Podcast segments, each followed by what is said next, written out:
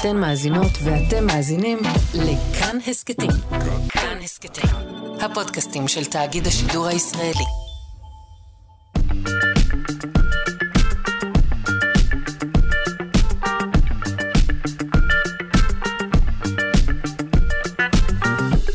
שלושה שיודעים.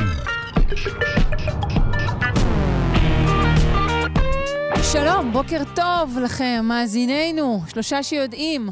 מדוע אורקות תוקפות סירות באוקיינוס האטלנטי? האם מתמטיקה היא מדע או לא? מה נראה אה, בביאנלה לאומנות אקולוגית בדיזינגוף סנטר אה, שנפתחת מחר? אה, כל זה בשעה הראשונה.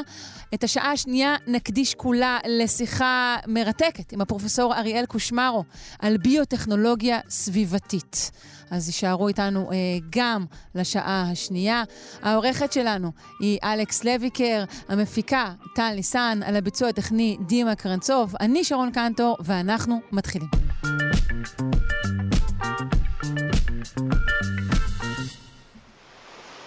בשנים האחרונות, אה, באוקיינוס האטלנטי, אנחנו עדים לתקיפות של אה, סירות קטנות לחופי חצי האי איברי על ידי אורקות. למה, למה זה קורה?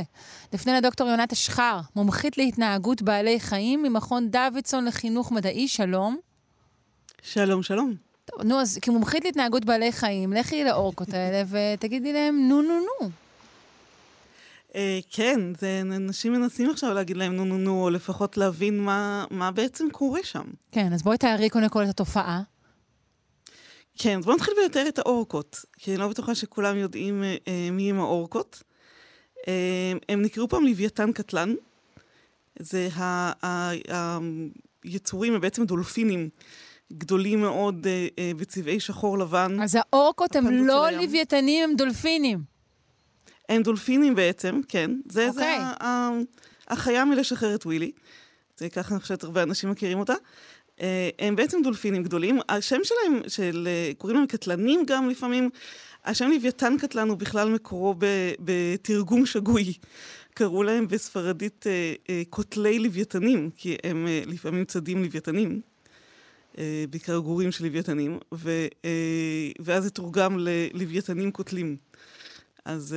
סתם לא איזה עניין של חילוף מיקום של. מילים או איזה משהו כזה? אוקיי. בדיוק, בדיוק. אמ, הם קרובי משפחה כמו כל הדולפינים, שדולפינים ולוויתנים הם די קרובים, אבל הם בעצם דולפינים גדולים, מאוד יפים. אה, באזור הזה הם אוכלים בעיקר אה, דגי טונה, והם לפעמים קצת מתחרים עם, ה, עם הדייגים ואפילו אה, גונבים להם דגים, שהיו בעבר עימותים על הרקע הזה. אבל הקטע הזה של תקיפת סירות הוא, הוא לא על הרקע הזה, בעצם. לא על הרקע של המלחמה על הטונה. זה. Mm. כן, זה לא, זה לא קשור לטונה. אה, זה התחיל בעצם לפני שלוש שנים. אה, והייתה תקיפה של אורגות שתקפו אה, סירת מפרש. אה, וזה נמשך מאז, היו עשרות תקיפות מתועדות. רגע, הייתה, הייתה בעצם אורקה אה, הראשונה שהיא הייתה כאילו המנהיגה של כל העסק, נכון? אנחנו לא יודעים בדיוק, אבל זאת ההשערה. כשחוקרים הסתכלו על זה עוד ב-2020, זמן קצר אחרי שהתקיפות התחילו, הם הגיעו למסקנה ש... כי האוכלוסייה הזאת היא, היא נחקרת די הרבה. אה, זו בעצם אוכלוסייה של אה, בערך 40 פרטים, שהם, אה, כמו שאמרת, לחופי חצי האי האיברי בצד של האטלנטי, לא בצד של הים התיכון. באזור גם יצרי גיברלטר, זה ממש ליד. וכשהם חקרו את התקיפות האלה, הם גילו שרובן מתבצעות, מתבצעות על ידי אה, שתי קבוצות, שביחד הם תשעה דולפין, אה, דולפינים, אה, אורקות, והייתה אחת שהיא ה... בעצם רובם היו ג'ובניילס, מה שנקרא, הם היו אהה, בני נוער. בני נוער. בני תשחורת. מהמם. בני תשחורת, אמ, ואחת הייתה אורקה בוגרת. ולכן החשד נפל עליה, שהיא זאת. Mm. שהתחילה את כל העניין. היא נקראת, בגלל שאמרנו האוכלוסייה נחקרת וגם יש לה שמות, אמ, היא נקראת גלדיס בלנקה, גלדיס הלבנה. אמ, וכן, והחשד אה, נפל עליה שהיא זאת שבעצם התחילה את הכל, והצעירים למדו ממנה, כי זה בדרך כלל מה שקורה, שצעירים לומדים מהבוגרים יותר. וכשאנחנו מחפשים אה, סיבות לתקיפות האלו, אנחנו לא ממש מוצאים, נכון? אנחנו לא מוצאים, שוב, לא, לא יתרון של מאכל. האם אנחנו רואים שהחבר'ה התוקפניים יותר, יש להם איזה יתרון אבולוציוני בלהקה שלהם? גם, גם הבנתי שלא, נכון? לא, אנחנו לא רואים איזשהו יתרון, אה, אולי אפילו להפך, כי זה, התקיפות האלה בהחלט יכולות להיות מסוכנות. עד היום לא היו ממש פגיעות אה, באורכות, אבל זה בהחלט יכול להיות. אה, אם זה, אם הן תופסות, אה, תוקפות סירת אה, מנוע, אז הן יכולות להיפגע מהמדחפים של המנוע, וגם... את יודעת, כש, כשהם מתחילים אה, להציק יותר מדי ל... יום אחד מישהו יתעצבן ממש, גם כן. יכולים, Mm-hmm, כן. נכון. אה, צריך להגיד, אגב, מה, מה, בדיוק... שלוש סירות טבעו. שלוש סירות טבעו כבר. זהו, מה הם בדיוק כן, עושים? הם, הם, דוחפים את לא- הסירות? קודם כל אני אגיד שאף אחד לא מת, או לא, לא נפצע או שום דבר. אה, משמר החופים אה, הספרדי אסף את האנשים מהסירות שנפגעו קשה והכל בסדר, אבל אה, כן, הם כבר הצליחו להטביע שלוש סירות. הם משום מה תוקפות את הלוח הגה, את הראדר זה נקרא. זה, זה החלק בתוך המים שבעצם מכוון את, ה, את הסירה, לאן ללכת.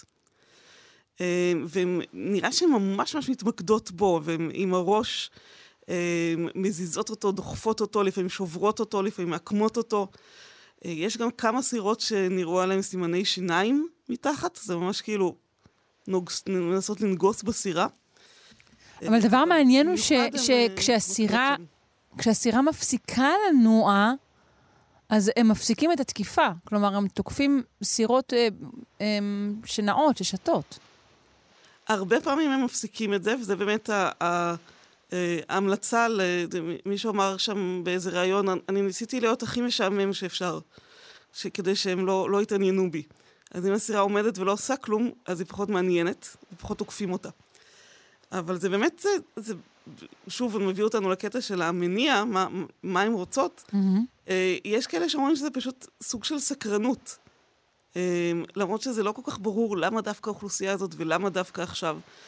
ואולי אה, ההשערה הכי אה, פרובוקטיבית זה שזה סוג של נקמה. שבאמת הגלדיס הלבנה הזאת, האורקה הבוגרת שאולי התחילה את הכל, נפגעה באיזושהי צורה מסירה, או שהגור שלה נפגע מסירה. והיא עכשיו החליטה שהיא לא רוצה יותר סירות באזור שלה. כן, היא לא החליטה, אבל היא כשהיא מזהה שוב את, ה. את, ה, את הפוגע, לכאורה אז היא פוגעת בו. ושוב, זה נשען על ההנחה כן. שבאמת יש כאן אה, מנהיגה אה, ללהקה הזו, אבל, אבל שאר הלהקה, אני מניחה, שוב, אני לא ככה, לא מספיק מבינה בתקשורת בין בעלי חיים, זה לא בדיוק שהיא סיפרה להם, היי, אני נפגעתי, אולי גור שלי נפגע, עכשיו בואו ועזרו לי אה, בנקמתי זו, אלא כן, יש כאן אלמנט של חיקוי, אה, של אולי מעין אופנה כזאת שעוברת, נכון? כן, בהחלט זה נראה כך, ואנחנו יודעים שאצל דולפינים הן חיות מאוד מאוד חכמות, והן דברים כאלה באמת, אה, אה, אה, כמו שאמרת, יש אופנות לפעמים שהם אה, אה, אה, מאמצים. ולומדים אחד מהשני, ראינו שבאמת הם מסוגלים ללמוד אחד מהשני, גם שיטות חדשות לציד למשל, וגם סתם דברים. היה איזה מחקר לפני כמה שנים שנעשה על דולפינים מסוג אחר, אה, שהייתה איזה דולפינית שלמדה ללכת על הזנב ככה, עם, ה, עם כל הגוף מתחת למים, וככה כאילו היא הולכת על הזנב על המים, ואחרים התחילו לחקות אותה, סתם, כי זה כיף. אה, אז יכול להיות שזה מה שקורה פה באמת, גם שהיא התחילה לתקוף את הסירות, ואחרים אה, מחקים אותה. וככה זה נראה גם מהדיווחים של אנשים שהיו על הסירות האלה, שממש אומרים שכן, היה אורקה גדולה שלמשל עלתה והרביצה בראדר, בלוח הגה בכל הכוח, והגור שלה היה לידה, ואז היא הלכה אחורה, ואז הגור עשה את אותו דבר. האם יש... אז זה אה, ממש נראה כאילו מחכים. יש איזשהו דיבור פשוט אולי על, על עצירה ולו זמנית של מעבר סירות באזור הזה? אה, יש דיבור, עדיין לא שום דבר אה, קונקרטי. אה, זה באמת אה, אה, שאלה מאוד מאוד טובה, מה עושים בקשר לזה? כי זה, זה נראה כמעט בלתי נמנע שבמוקדם או במאוחר אה, יהיה איזשהו אסון ומישהו ייפגע, או בן אדם או אורקה. אה, ובינתיים אין ממש אה, אה, פתרון טוב לזה. אה, אפשר לעצור את הסירות באזור הזה, אבל יש הרבה מאוד תיירות כמובן באזור, וכך עכשיו אה, בחודשי הקיץ, וגם דייג, וזה בעצם הולך לפגוע קשה בפרנסה של אנשים, אם אנחנו נגיד להם, אתם לא יכולים לצאת לשוט באזורים האלה בכלל. וזו בעיה. אין, אין ממש עדיין פתרון. אה, טוב, סיפור באמת מעניין ומסתורי. אני מאוד מודה לך, דוקטור יונת אשחר, מומחית להתנהגות בעלי חיים, מכון דוידסון לחינוך מדעי. תודה רבה.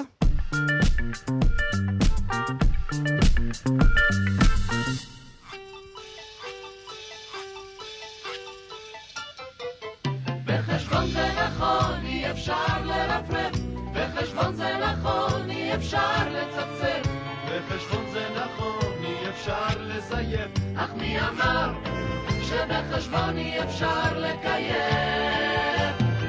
אפשר, גם אפשר לקייף. אה, פינת המתמטיקה של מיכאל גורודיני, מכון דוידסון, הזרוע החינוכית של מכון ויצמן למדע. שלום. שלום, שלום. על מה נדבר היום? היום אה, נתהה בשאלה פילוסופית עתיקת יומין, שהטרידה רבים ומטרידה עדיין רבים, האם מתמטיקה היא מדע? לא. זהו, אוקיי, אפשר לסגור את הפינה, תודה רבה, היה... לא, זאת אומרת, אה, אוקיי, איך אנחנו מגדירים מדע, נכון? אנחנו צריכים להתחיל בזה.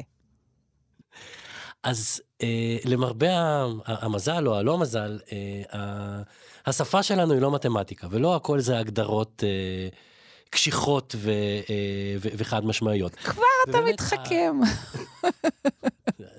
זאת הולכת להיות התמה היום, כן, okay. היום אוקיי. אנחנו בהתפלספות והתחכמות קלה. אמ, אז המתמטיקה במובן מסוים היא שייכת לעולם המדעים, במובן מסוים היא לא שייכת לעולם המדעים. ובמובן מסוים אה, יש שקראו לה המשרתת של המדעים, ויש בדיוק. שקראו לה המלכה של המדעים. כלומר, אין מדעים ללא, אין, אין, ללא מתמטיקה, זה, זה בטוח.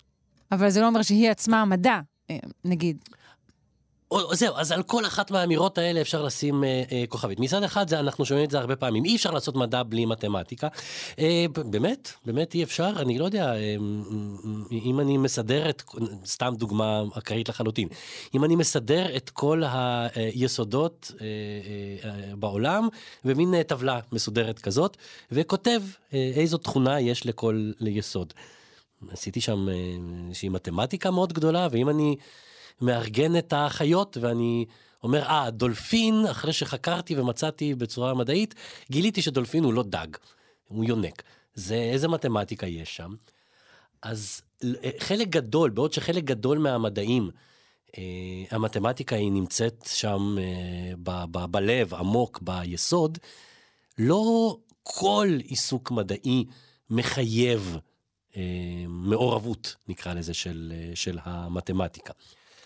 אבל אה, בהחלט יש מן המשותף באיזושהי חקירה מסודרת, מאורגנת, של אה, תופעות כאלה ואחרות. זה לא רק זה, זה גם מאפשר אה, הכללה וקיבוץ ודחיסה של פרטים, במקום לדבר על כל נכון. אחד ואחד מה, מהדולפינים, ברגע שאנחנו מדברים עליהם כקבוצה, כבר אנחנו אה, אולי מערבים מתמטיקה, אנחנו רואים כ- כמה פרטים יש, כמה איברים יש להם, אחרת כל דבר הוא בפני עצמו. זהו, זאת באמת אחת מהטענות היא שבמובן מסוים, קצת שאיפה של כל מדע היא להכניס כמה שיותר מתמטיקה. כי ברגע שהמתמטיקה נכנסת לאותו תחום מדעי, היא עושה בו סדר והיא עוזרת לעשות הכללות, והיא מארגנת והיא מובילה לתובנות חדשות. במובן אה, אה, אה, אחר, המתמטיקה עצמה, יש שיטענו שהיא עצמה מדע. כמו שהביולוג חוקר את אה, עולם החי, והכימאי חוקר את החומרים, mm-hmm. אז המתמטיקאי חוקר את העולם המתמטיקה, ויש ממש תחומים בתוך המתמטיקה שבאמת מתנהגים כמו מדע.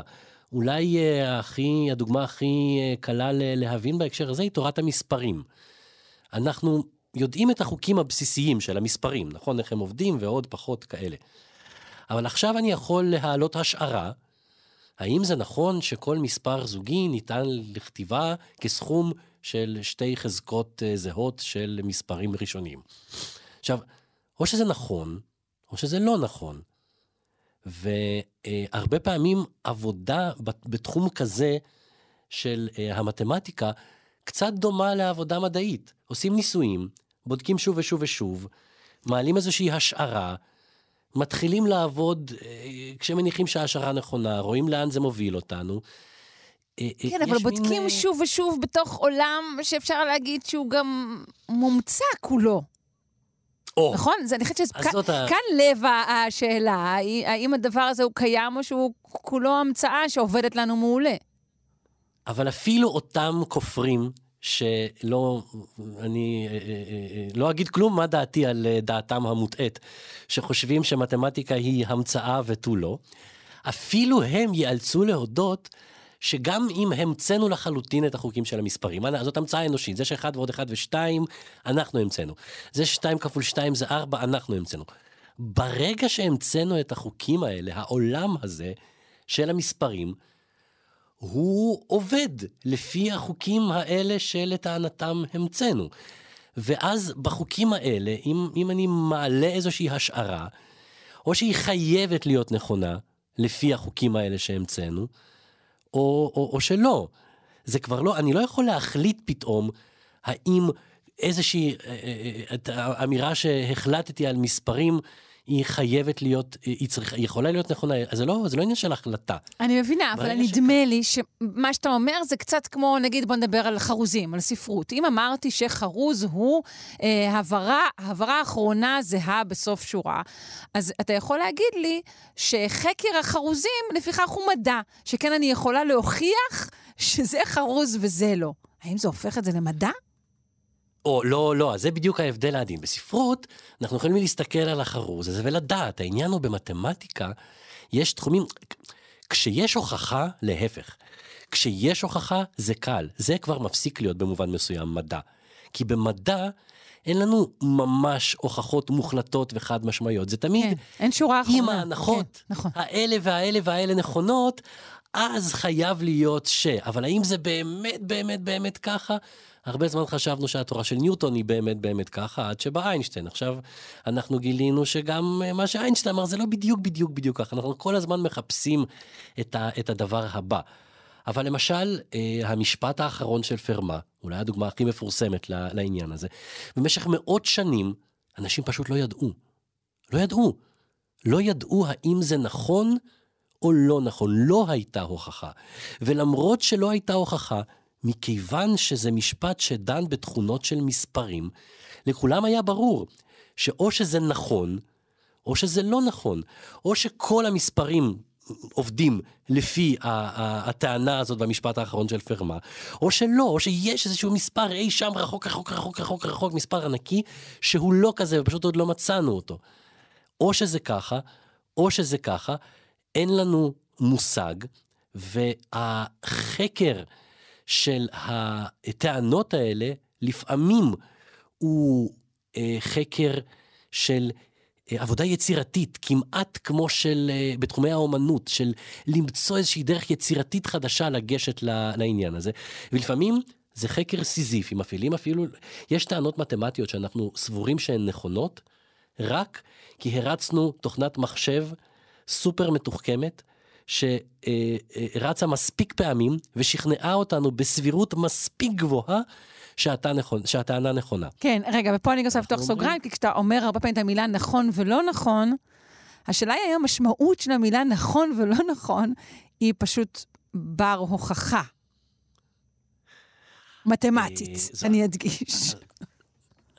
אז קודם כל, אני לא אתאפק מלענות לך נכון מאוד לאמירה האחרונה שלך. אמ, זה, זה, זה נכון, כי יש סוגים שונים, אז מסתבר שיש סוגים שונים של נכון, אפילו בדיוק, במתמטיקה. בדיוק, כן. אפילו במתמטיקה, היום מקבלים הוכחות במרכאות, שהן לא הוכחות... כמו שלמדנו בבית ספר, הנה האקסיומות, הנה הנתון, בבקשה, הנה הצעדים. בבקשה, מה שנקרא, בבקשה. כן, ככה, כן. הנה, א', ב', ג', ד', הוכחתי. לא, היום העולם המתמטי אה, לאט לאט מקבל הוכחות שהן הוכחות סטטיסטיות, שהן עבודה מספיק מאומצת על מספיק אה, מקרים ומספיק הסתברויות שמראה שזה בהסתברות מספיק גבוהה ששואפת לאחד, מספיק נכונה. זה לא, ויש אה, דיון משמעותי, האם זה הוכחה באותה רמת ודאות? האם זה הוכחה לא באותה רמת ודאות? בתקופות קדומות יותר היו סימני שאלה על סוגים אחרים של הוכחות במתמטיקה, שהיום כבר מקובלות כ... כהוכחות לכל דבר ו... ועניין. למשל, הייתה תקופה שהעלו תחת סימן שאלה הוכחה ש... ש... שאומרת, אני לא אוכיח לך שזה נכון, אני אוכיח לך שלא יכול להיות שזה לא נכון. כן. אז אם לא יכול להיות שזה לא נכון, אז זה חייב להיות נכון. טוב, וכאן אנחנו מצביעים על המתמטיקה כמין נגזרת של אה, לוגיקה בעצם. והייתה תקופה שבה העלו סימני שאלה על, על הוכחות כאלה. אז גם בעולם המתמטי, הסופר מדויק, החד, הברור, החד משמעי, יש ככה בשוליים מרחפות להן כל מיני אה, הוכחות קצת אחרות, טענות קצת אחרות, חלקים במתמטיקה שמתנהגים יותר כמו המדעים, אבל אה, וזאת שאלה שכל אחד יצטרך אה, אה, להכריע בה בעצמו או בעצמה. אם את שואלת אותי, בסופו של דבר, לב העשייה המתמטית היא לא בדיוק מדעית, בדיוק בגלל עניין ההוכחות. כי במדעים אין הוכחות מוחלטות, ובמתמטיקה הוכחות מוחלטות לא רק שיש, זה אבן היסוד שעליה מושתתת המתמטיקה במובן מסוים. יפה אמרת. מיכאל גורדין, תודה רבה. אה, נזכיר שוב, כרגיל, מיכאל הוא ממכון דוידסון, הזרוע החינוכית של מכון ויצמן למדע. איזה כיף, להתראות. להתראות.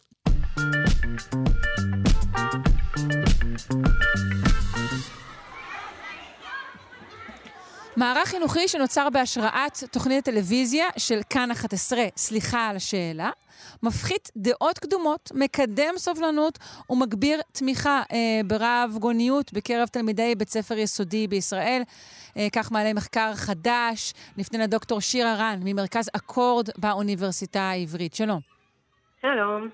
אה, בואי ספרי לנו על המערך החינוכי, איך, איך הוא נעשה בהשראת התוכנית. אמ, אז בגדול אנחנו מדברים כאן על אה, שני מחקרים אה, מאוד מאוד רחבים שעשינו בהשתתפות מעל אה, אלף תלמידים ותלמידות בכיתות ד' עד ו' במרכז הארץ. אמ, כשחשוב להזכיר שהמחקר הראשון מבין השניים התבצע גם ממש בזמן אירועי מאי 2021, שזה היה אירועים מאוד מאוד משמעותיים גם עבור ילדים וילדות, שזה משהו שככה אה, כדאי לקחת בחשבון כשאנחנו מדברים על זה. את מדברת אה, על מבצע שומר החומות? נכון, okay. אוקיי. נכון מאוד. אמ, ובעצם גם הילדים אה, נחשפו מן הסתם לאירועים.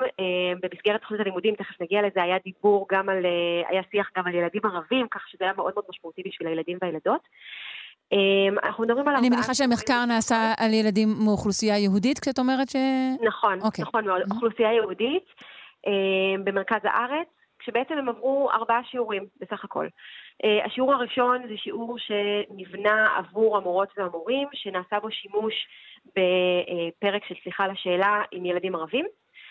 השיעור הבא שהם עברו זה שיעור uh, שמשלבים בו פרק uh, על ילדים עם לקויות ראייה ועיוורון. והשיעור השלישי שהם עברו הוא שיעור עם פרק uh, על ילדים של עובדים זרים, ובסוף הם עברו גם uh, שיעור רביעי שבו בעצם היה סיכום של כל התמות. כשבעצם הרעיון הוא לא רק לתת לילדים לצפות בסרטון, שזה משהו שהם יכולים לעשות בבית, אלא לעבור איזשהו תיווך של הצוות החינוכי שנמצא בכיתה. אמ, כשהתיווך הזה הוא בעצם תיווך שמבוסס על עקרונות מהתחום של פסיכולוגיה חברתית, שאמור להביא את הילדים למסרים הנכונים אמ, לקליטה מהפרקים. האם אנחנו יודעים לומר אם זה חלק מחדוות הצפייה אה, בתוכנית טלוויזיה? כלומר, האם מפגש פיזי אה, עם אנשים מהסוג שהם מתוארים בפרקים היה משיג אה, תוצאה דומה, שונה? יש לנו מושג? קשה מאוד לענות על זה כרגע בצורה אמפירית, בגלל שבעצם לא היה לנו עוד, כלומר, בשביל לענות על זה בצורה מאוד מאוד נקייה, אנחנו צריכים לבצע עוד מערך מחקר מאוד מדויק, שבו אנחנו ממש משווים מפגש אחד על אחד עם, אה, עם, עם אנשים מהקבוצות המדוברות, לעומת צפייה בפרק. אבל מה שכן, אנחנו יכולים להגיד שלמפגש אחד על אחד, בעיקר כשאין לו איזושהי התרמה ואיזושהי הכנה מראש, יכולות להיות uh, לא מעט בעיות. כלומר, הרבה פעמים יש uh, תוכניות בשטח אפילו, שמעוניינות פשוט להפגיש בין ילדים ובין אנשים, בין מקבוצות שונות, ובלי הכנה מתאימה לדבר הזה יכול להיווצר בעצם יותר נזק מתועלת, בעיקר כשמדובר באוכלוסיות שחלק הן אוכלוסיות uh, שהן דלות כוח, אוכלוסיות מוחלשות, אוכלוסיות שהן לא החברה ההגמונית. ובעצם זה יכול לעשות הרבה נזק למרקם הבין-קבוצתי. בואי תגדירי לנו בקצרה מהי הכנה נכונה. אמ, יש כל מיני דרכים להסתכל על זה וכל מיני דרכים אה, אה, בעצם להכין קבוצות, אבל מה שעשינו בסליחה על השאלה זה בעצם צורה מאוד מאוד רכה להפגשה, שזה בעצם, זה מגע שהוא לא מגע ישיר, הוא סוג של מגע עקיף, מגע מקוון, זה מגע שהוא יכול להתבצע אה, על פלטפורמות אה, ממוחשבות, או בסרטונים, בדיוק כמו שיש בסליחה על השאלה, וזה מייצר את, ה, את היכולת להתקרב בלי, בלי לנהל באמת שיחה פנים מול פנים. אני חושבת אבל שבסליחה על השאלה, מה שהיה שם, שהוא בעצם יותר תורם לעניין מאשר האלמנט הטכנולוגי שהיה שם או המקוון שהיה שם, והעובדה שספציפית, בסליחה על השאלה, בהשוואה לאולי סתם לראות איזושהי תוכנית אה, שחושפת על מידע תרבותי, יש כאן נגיעה בנושאים שהם טאבו. כלומר, זה לא שאלות שאפשר או שכדאי בהכרח לשאול אנשים כשפוגשים ברחוב. אמ, אנחנו לא כל כך מצפים שילד יראה ילד עם לקות ראייה למשל ברחוב, עם כלב נחייה או עם מקל וישאל אותו, תגיד, התנגשת פעם בעמוד? איך זה ירגיש לך? אבל בתוכנית, בגלל שיש נגיעה בנושאים כאלה שהם טאבו, זה מאפשר לילדים להתחבר למקומות מאוד מאוד אישיים, אמ, שאחרת אולי לא היו נוגעים בהם, שזה משהו שהפלטפורמה הזו מאפשרת בצורה נהדרת, ולא בהכרח מתאפשרת בפלטפורמות אחרות. כן, שהפורמט עצמו בעצם אה, מעודד אה, להציף שאלות שהן לרוב אנחנו שומרים רק בראשנו. נכון, ואפילו נכון. שכוללות אה, דעות קדומות איומות ונוראיות. בדיוק, וזה בעצם מאפשר לנו להתמודד עם דברים שנמצאים ממש ממש בשורשים של הסטריאוטיפים שמתפתחים כבר בגילאי ילדות. וברגע שאנחנו נוגעים בזה ולא בדברים אחרים שיותר נעים לנו לגעת בהם, דברים יותר מיופים, שזה אגב דברים שבמפגש ישיר יכולים לקרות הרבה פעמים. כשאנחנו יושבים עם אנשים מקבוצה אחרת, אנחנו הרבה פעמים, אנשים ישאפו לקיים איזשהו מגע שהוא מאוד הרמוני, לייצר שיחה נעימה, להרגיש שהם הכירו חבר, אבל אנשים שמגיעים אה, מקבוצות עם איזושהי מצוקה, עם איזשהו קושי, עם איזושהי רמת אה, מוחלשות חברתית, הם לא בהכרח רוצים לגעת בנושאים ההרמוניים, הם רוצים שישמעו את הקול שלהם.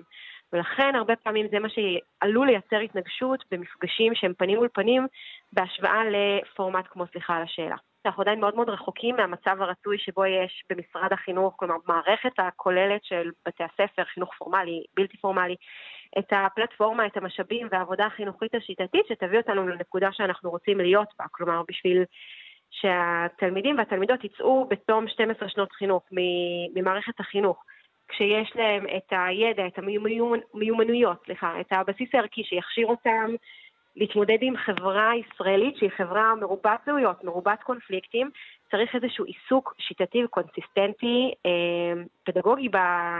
במערכת החינוך, בדיוק כמו שמזהים צורך שהמציאות שה, כיום מצריכה מהם לצאת עם האופציה ללמוד מדעי המחשב, אז המציאות פה בישראל מצריכה מהם לצאת ממערכת החינוך עם היכולת לחיות בחברה הישראלית, שהיא מאוד מאוד, אה, היא משוסעת, היא מרובת קונפליקטים, היא מרובת זהויות, וצריך גם עם זה לדעת להתמודד, ואין כרגע שום מענה שיטתי פדגוגי שבעצם עובד על זה מהגיל הרך ועד כיתה י"ב.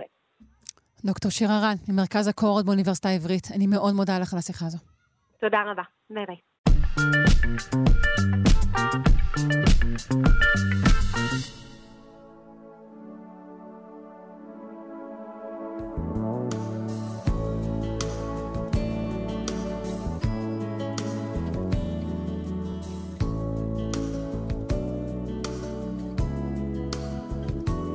הקיימות של יאיר אנגל, מעצב ומנכ"ל קיימה מרכז לתכנון ועיצוב מקיים. שלום.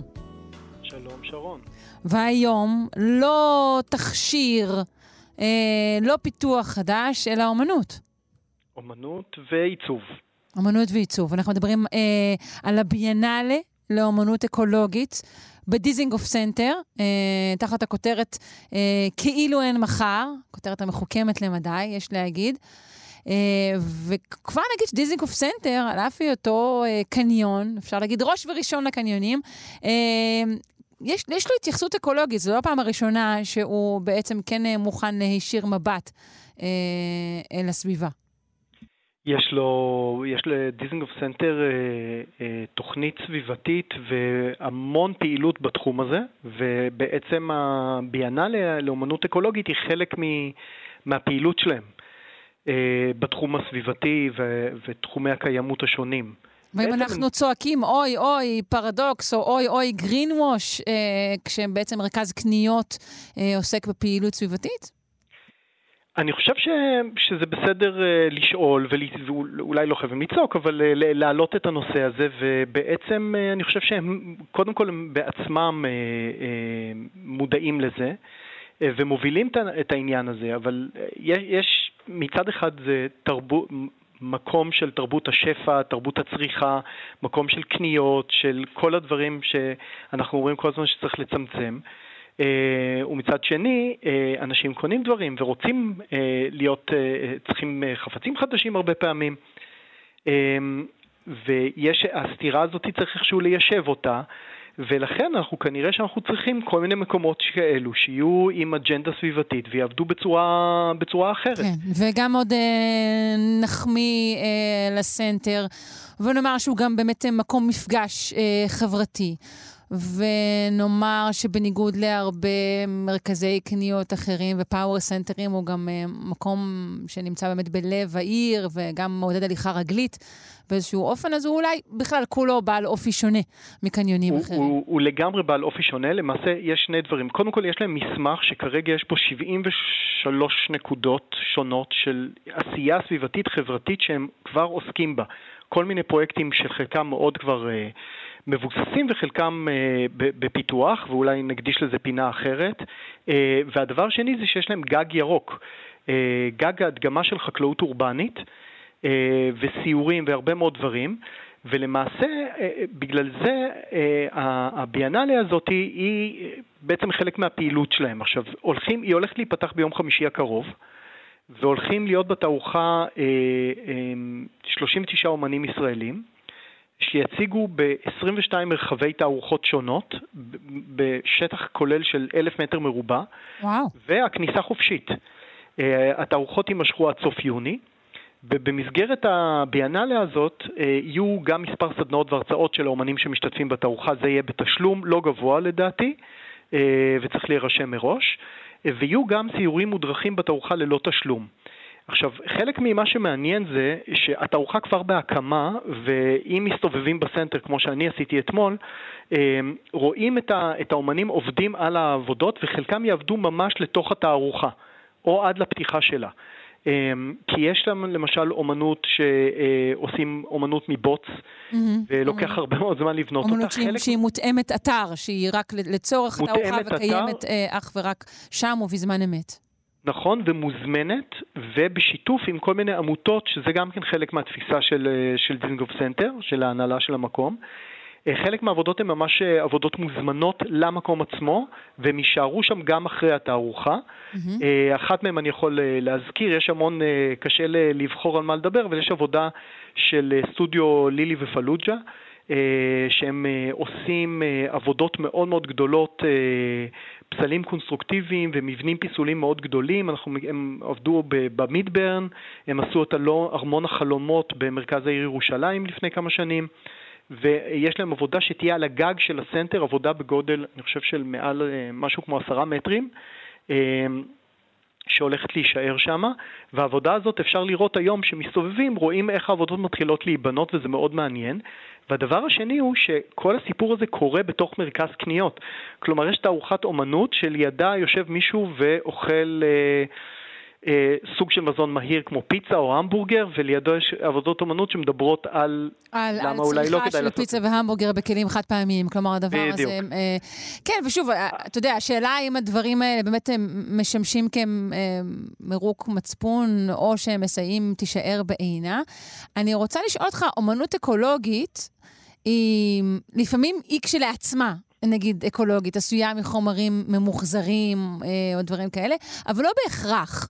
היא יכולה גם רק לדבר על, נכון? נכון, אז זו שאלה מעולה. יש הרבה מאוד מהעבודות שהן עשויות מחומרים, ש, אה, משאריות של בדים ש, אה, מהמציאון, שזה חנות של יד שנייה, זאת אומרת גם להם יש שאריות, אתה צריך לעשות עם זה משהו ועשו מזה עבודות אומנות. הרבה פעמים זה מחומרים ממוחזרים או חומר, חומרים בשימוש חוזר, או ממש דברים אה, שמפתחים האומנים, יש שם עבודה שחלק ממנה יש מייסליום, שזה תפטיר פטריות והעבודה בעצם חיה. אה, אבל יש עבודות שהן עבודות רעיוניות, אה, כמו שהתחילה ההיסטוריה של האומנות האקולוגית מג'וזף בויס בשנות ה-70 בגרמניה, אה, בישראל הרבה מאוד אומנים אקולוגיים כמו דנציגר, או אביטל גבע שעשו עבודות מדהימות. אה, אה, אביטל גבע אה, מקיבוץ עין שמר, עדיין אומן פעיל. כן, אומן אה, נפלא. ב-1993 נבחרה חממה, חממת, חממת גידול צמחים עם בני נוער. היא ייצגה את ישראל בביאנלה של ונציה באיטליה. והוא טס לשם עם התלמידים שלו והציג את ה... בעצם מערכות הידרופוניות גידול על מים שנמצאות גם על הגג של הדיזנגוף סנטר. כן, זו החממה אקולוגית בן שמר, שמי שמגיע כן. לאזור בהחלט אה, מוזמן אה, לבקר בה, מקום נפלא.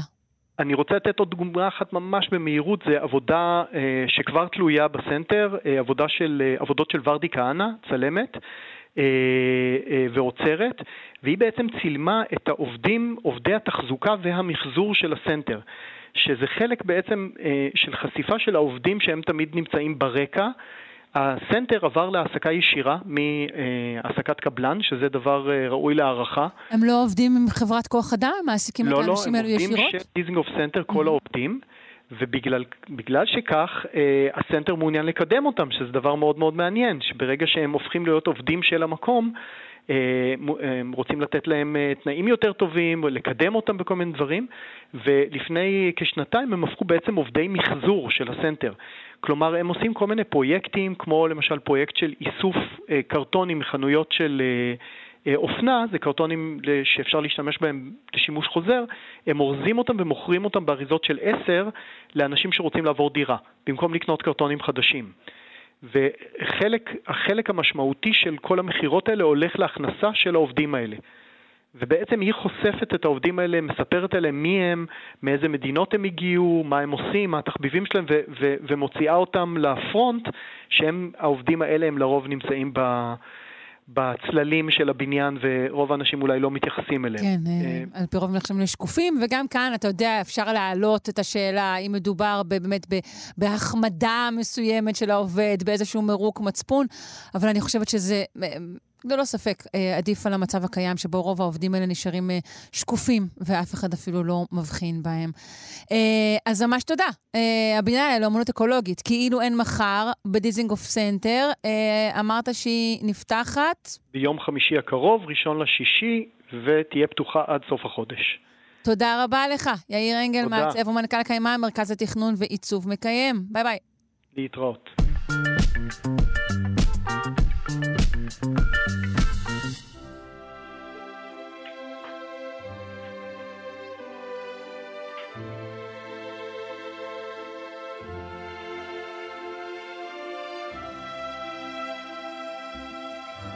השירה של רונה ישראל קולט, מורה לפיתוח קול וחוקרת קוגניציה ווקאלית באוניברסיטה העברית.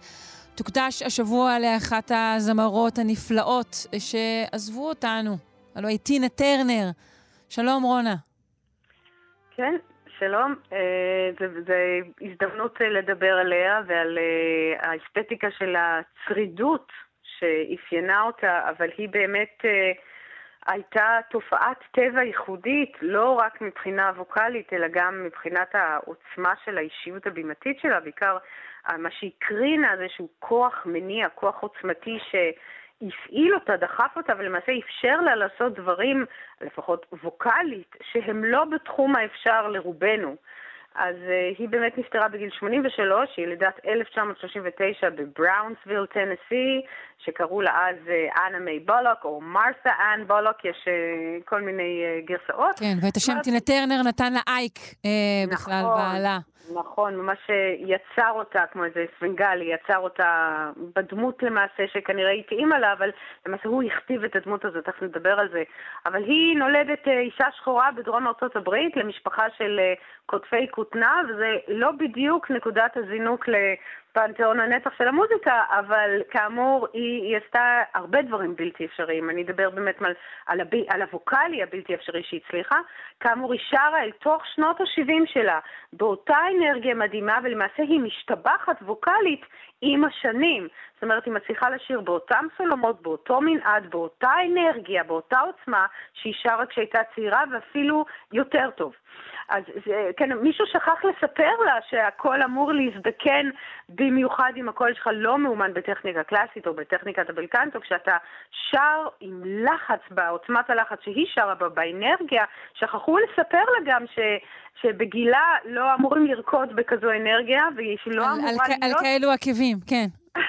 סקסית ויצרית וחייתית בגיל 80, פשוט אה, אה, שכחו או שהיא פשוט התעלמה מכל מה שאמור להיות נכון לקול שלה, והיא זרקה את כל העצות של המורים לפיתוח קול לפח, והיא עשתה את זה נכון, ואני חושבת שלמעשה אולי החוק הראשון של הפיתוח קול זה תאמין בעצמך, האמונה העצמית שלך היא למעשה הדימוי שלך, מה שאתה רוצה לשדר, היא כבר יגרום לגוף לעשות את זה גם אם זה כביכול לא יעיל ולא נכון ולא הפקה קולית נכונה.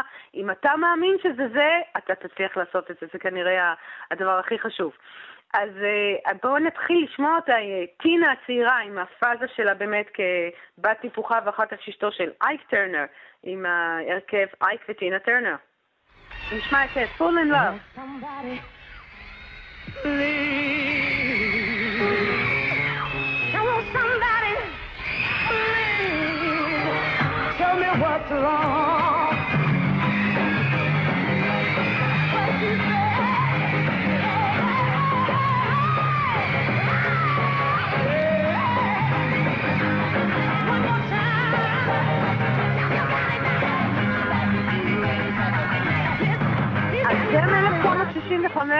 כן, אנחנו מנסים אה, לשמוע את קולה של טינה מבעד להצווחות של המעריצות. זה מה שיפה, זה מה שיפה, שלמעשה היא משקפת את הלהט ואת היצר, זאת אומרת, רוב הזמרים הם צורכים, באמת, את חושבת על פרנק סינטרה, את חושבת על, אה, על כל הזמרים, בוא נגיד, הקרונס, ששרים יפה ומתוק ונעים וצלול, והם צורכים מולם, והם לא משקפים את זה. היא אחד עם הקהל שלה, היא משלהבת אותם לאקסטאזה הזו, והיא צורחת איתם. אה, אז למעשה, כשמשמיעים קטעים מוקדמים מקריירה של זמר שמזוהה עם האסתטיקה הזו של חיפוש, נגיד אה, רוד סטיוארט, קים קארנס, אה, אם את זוכרת מהעיניים של Bette Davis Eyes, בטח. בדיוק.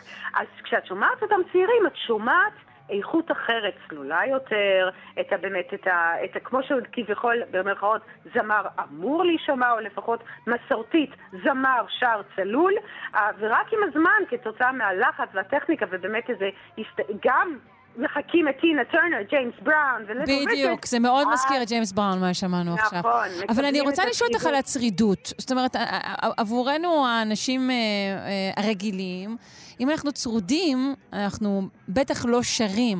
אני רוצה לשאול אותך על הקול הצרוד בתור, בתור נתון, בתור התחלה, נגיד כמו אצל רוד סטיוארט. נכון. אז היא טענה בראיונות שהחספוס או הנזק הווקאלי שגרם את, ה, את הצרידות והפך להיות למעשה האוצר שלה, היא טענה שזה נגרם לה כבר בילדותה, שכביכול כן. הנזק הווקאלי, תכף אני אסביר מה זה הכוונה, שכשהיא עבדה בשדות הכותנה בטנסי, הם נאלצו לתקשר בצרחות, וכנראה ש... מדובר גם באנרגיה של האישיות, לא כל בן אדם צורח. זאת אומרת, האנרגיה, שומעת את האנרגיה של הבן אדם הזה, את, ה, את ה, הכריזמה, העוצמה הפנימית הזו, שגורם לה לתקשר בווליום מאוד גבוה, ואת זוכרת את הפעמים שאת חזרת מטיול שנתי או מטיולים של התנועה בלי קול? בוודאי, אבל זהו, אני לא יכולתי להמשיך לדבר אחרי שהייתי צרודה, כלומר זה הידרדר. זה לא מצב שהוא, את יודעת, קול צרוד אה, נצחי. אז כמה ימי מנוחה באמת והכל חוזר למצבו הטבעי, אבל כשהנזק הוא לפעמים שכל האזור מסתפח משיפוש שימוש לא נכון, אומרת השרירים המשניים משלמים את המס ששרירי מערכת הנשימה אמורים לשלם זה בטכניקה קלאסית או בטכניקה של שירה, אה, הפקה קולית נכונה, אז כתוצאה מהלחץ המתמשך, והכוונה פה מתמשך, או בילדות. אם זה לחץ מתמשך בילדות, אז הנזק הוא קבוע, ואז כמובן הכל פתיר, הכל הפיך, אני חוזרת ואומרת את זה, אבל צריך לעבוד יותר קשה, או בצורה של מנוחה קולית ארוכה יותר, או התערבות מקצועית, או אפילו רפואית.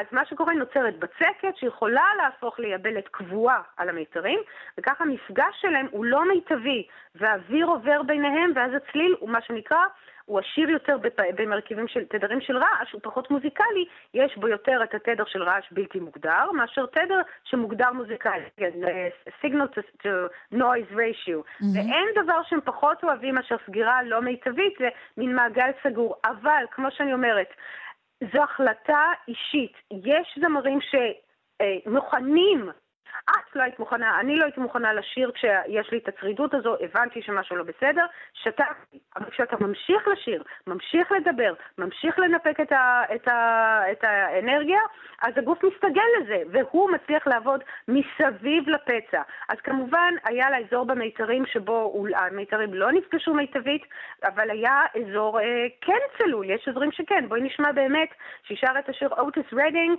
I've been loving you too long, איזה זמרת בלוז, בואי נשמע אותה. La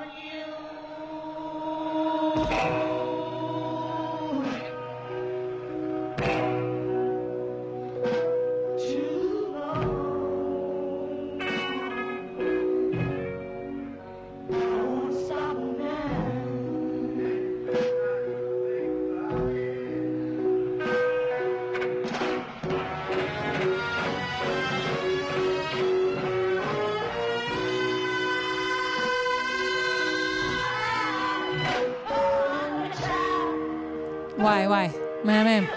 אבל אני רוצה להספיק אה, לשמוע אפילו כן, עוד שני קטעים. זו פינה שיכולה להימשך עוד הרבה פינות, אבל כאמור, זה, זה, את שומעת, יש לה את היכולת במקומות מסוימים לאורך המיתרים שלה לנפק את הצליל הצלול יותר, הנמוך יותר, אה, אבל כאמור, הצורך הזה בצרידות ובחספוס זה צורך שהוא אמנותית. אה, זאת אומרת, למעשה, בואי נגיד שאם היא לא הייתה צרודה, היא הייתה הופכת את עצמה להיות צרודה. כי, כי היא רצתה את ה... כן, זה יותר, uh, יותר מלא נשמה, כאילו. גם. נכון. Mm-hmm. אז כמובן יש פה השפעות של אינז אנדרוז, זמרת גוספל ידועה שהיה לה גם קול צרוד ונמוך, אבל היא הקדישה אותו לאקסטזה הדתית של הגוספל, וטינה טרנר אה, אה, לאקסטזה הפראית, השבטית, החייתית, מינית, מה שתרצי, אבל היא טענה שבגלל שהקול שלה היה נמוך מטבעו. ולא נשים, מין קול אנדרוגינוס כזה, שהוא לא היה קול מקובל לסולניות של התקופה, לא רך, לא צלול, לא לא נשי, אז היא לקחה את הקול שלה במודע לקצה, כדי לבלוט לקצה השני, היצרי, החייתי, אפילו הגברי, עם כל ההופעה הבימתית שלה, כאמור, כמו ג'יימס בראון וליטל ריצ'רד, ובהנחיה גם של אייק טרנר, שהלביש אותה במין עורות כאלה, כמו איזה טרזן כן. נשי, והיא באמת הייתה האישה היחידה באותה תקופה שגם רקדה, לא רק התנועה, רקדה בטירוף על הבמה וגם שרה, שזה היה מה שנקרא סנסציה וגם unladylike. היא, עם כל ה, מה שהקרין המיניות הזו, היא לא נחשבה לליידי. כן, אבל לפני שנמשיך, באמת... בואי באמת נפתח סוגריים ונגיד כמובן שאתה מערכת יחסים אה, איומה, אלימה, הרסנית, שטינה טרנר אה, נאבקה כדי אה, להיחלץ ממנה, וגם כדי להיות אה, בעלים של השם הזה, שבעצם נכון. אה, נרשם כרכוש של נכון, אייק טרנר. נכון, והיא אמרה באמת, ואחרי המסכת ההתעללות, היא רצה רק דבר אחד, את השם שלה ואת הדמות, ובואי נבין תשמע את קטע באלבום הסולו שהזניק אותה להיכל התהילה בגיל 45, עם הרגליים המדהימות האלה, בואי נשמע את I can't stand the rain.